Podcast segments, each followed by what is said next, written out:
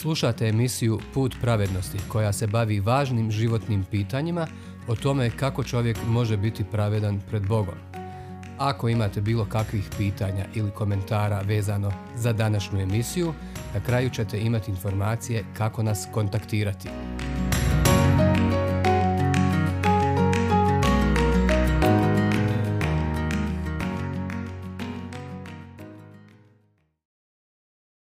Hljeb života Marko 6 i Ivan 6.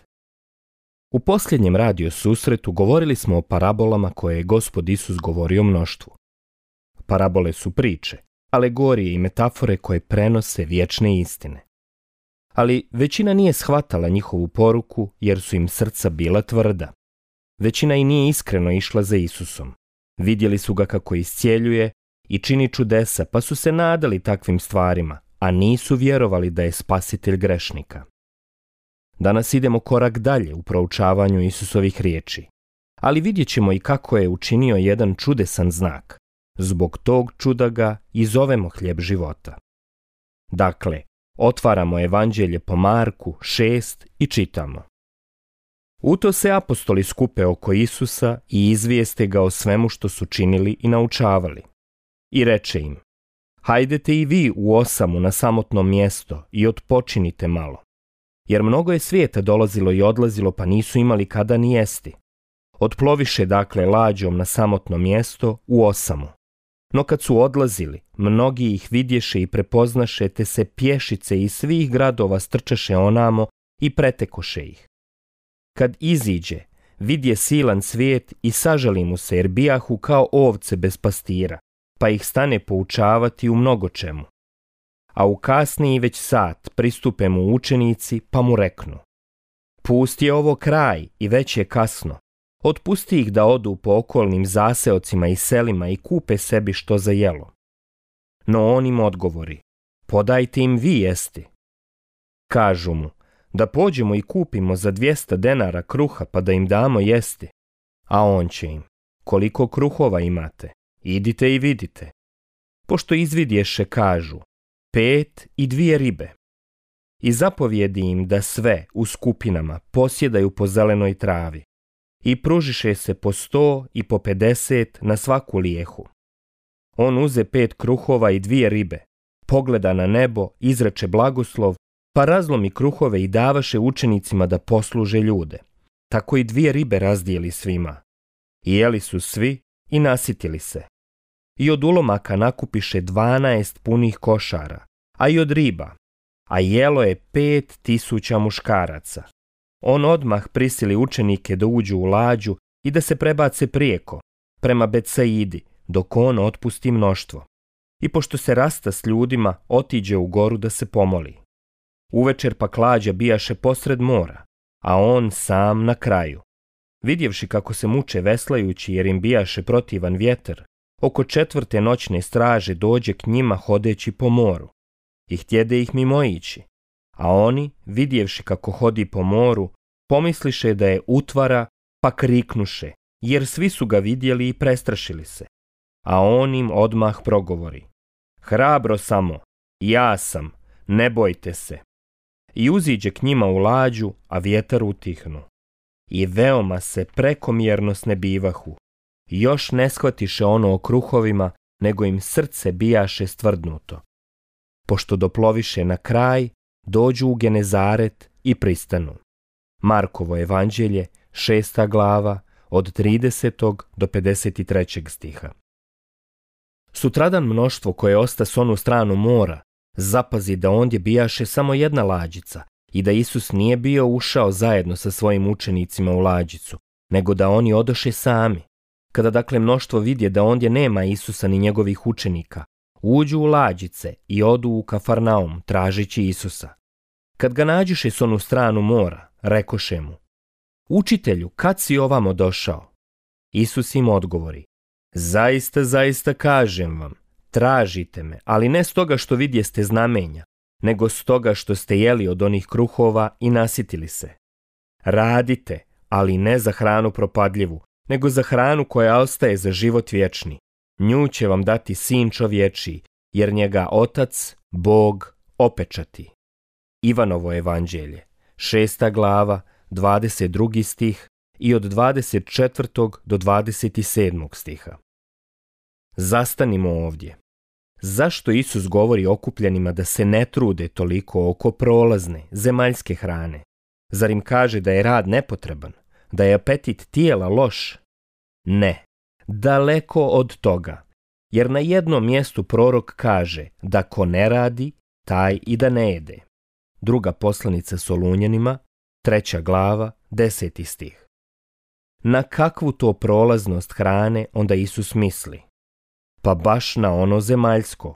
Ako nam je samo stomak cilj, onda ćemo se predati sticanju, nase i use. Sticanju svjetskih vrijednosti koje svakako prolaze, jer jednom ćemo ostarijeti i umrijeti. Vratit ćemo se u prašinu od koje smo nastali. Ali u nama je nešto što ne umire. Duša. Ona živi zauvijek. Ali samo na dva mjesta. Ili u raju, u nebu, ili u mjestu mraka i vatre, to jest u paklu.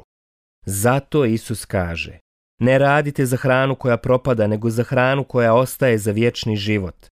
Takvu hranu će vam dati sin čovječiji, jer je na njega Bog Otac utisnuo svoj pečat. Postoji hrana koja dođe i prođe, ali i ona koja nas siti do vijeka. Isus još reče, Pisano je, ne živi čovjek samo o kruhu, nego o svakoj riječi što izlazi iz Božjih usta. Matejevo evanđelje, četvrta glava, četvrti stih. Nažalost, mnogi od ljudi oko Isusa nisu iskreno marili za Božju riječ, nisu vjerovali u Božijeg poslanika. Pun stomak im je bio važniji od srca punog istine, koja spasava od pravednog suda. Zato im Isus reče, radite, ali ne za hranu propadljivu, nego za hranu koja ostaje za život vječni. Nju će vam dati sin čovječiji, jer njega otac, Bog, opečati. Rekoše mu dakle, što nam je činiti da bismo radili dijela Božja? Odgovori im Isus. Dijelo je Božije da vjerujete u onoga kojega je On poslao. Ivanovo evanđelje, šesta glava, od 27. do 29. stiha. Čujemo li Isusove riječi? Kako bilo koji sin Adamov, začet u grijehu, može zadovoljiti Boga? Može li to bilo ko od nas svojim dobročinstvima? Zar imamo snagu da se sami izbavimo od sile sotone, grijeha i pakla? Zar možemo očistiti sebi srce do potpune bogougodnosti? Nikada.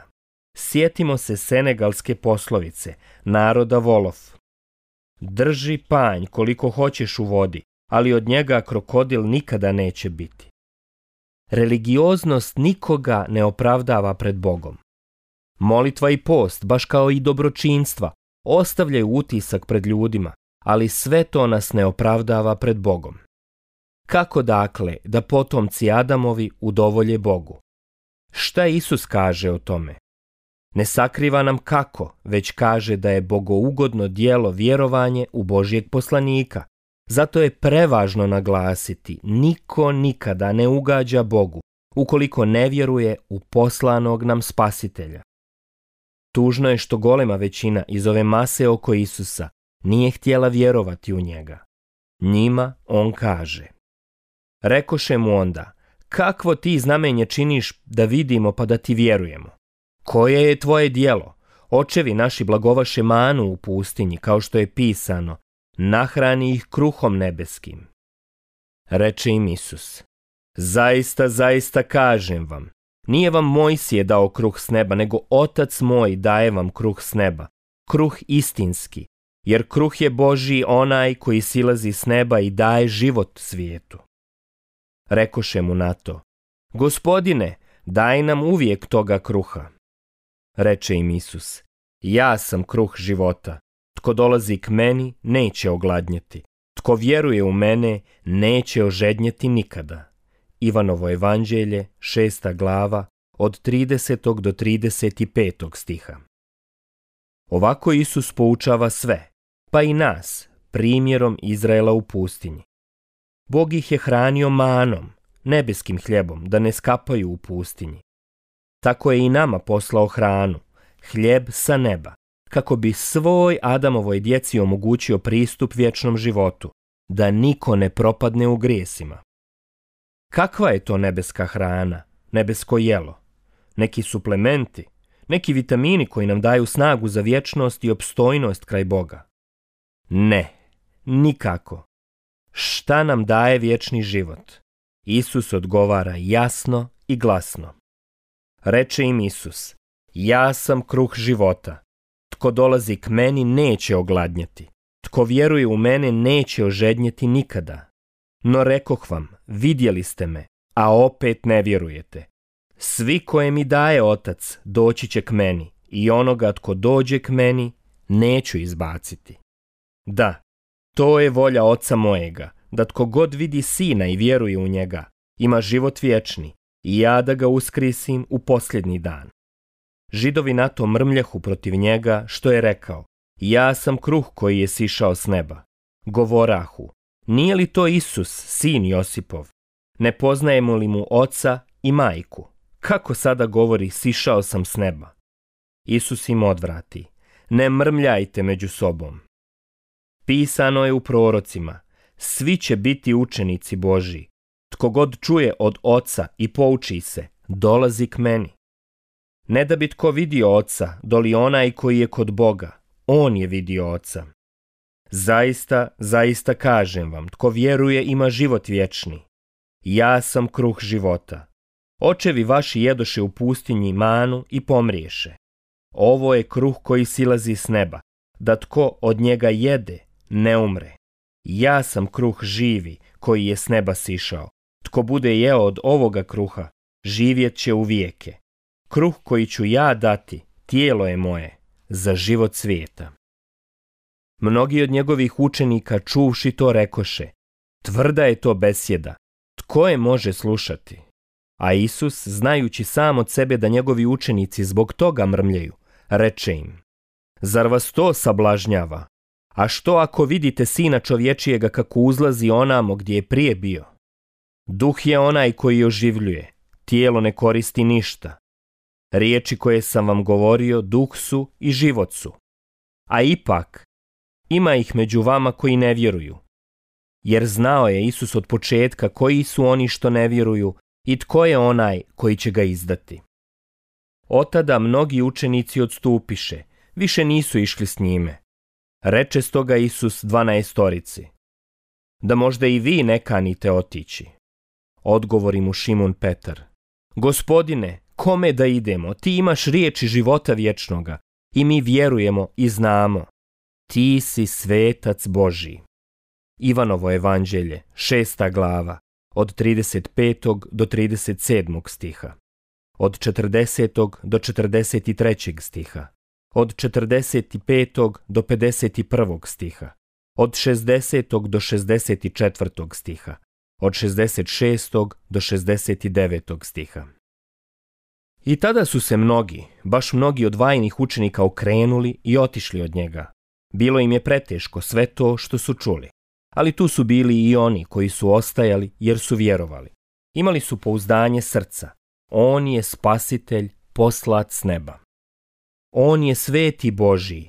On je hljeb života, baš onaj koji daje vječni život.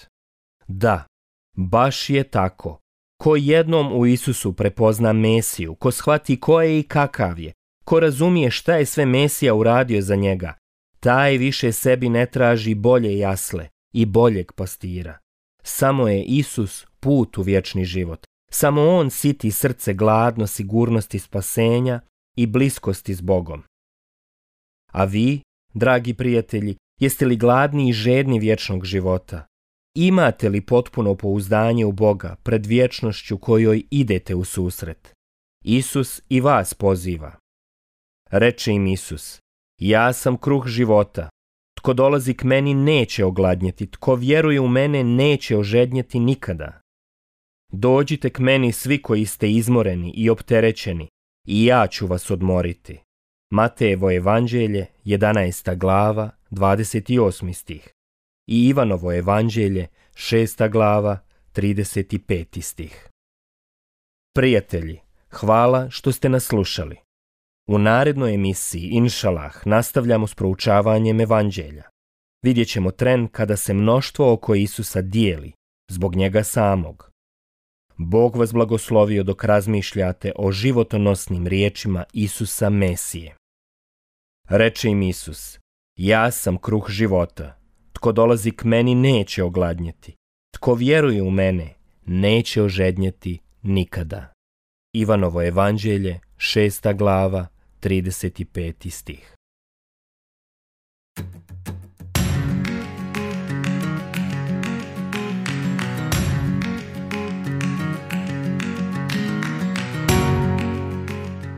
Hvala vam što ste slušali današnju emisiju. Kontaktirajte nas putem našeg e-maila putpravednosti.bih@gmail.com ili putem naše Facebook stranice Put pravednosti do sljedećeg slušanja.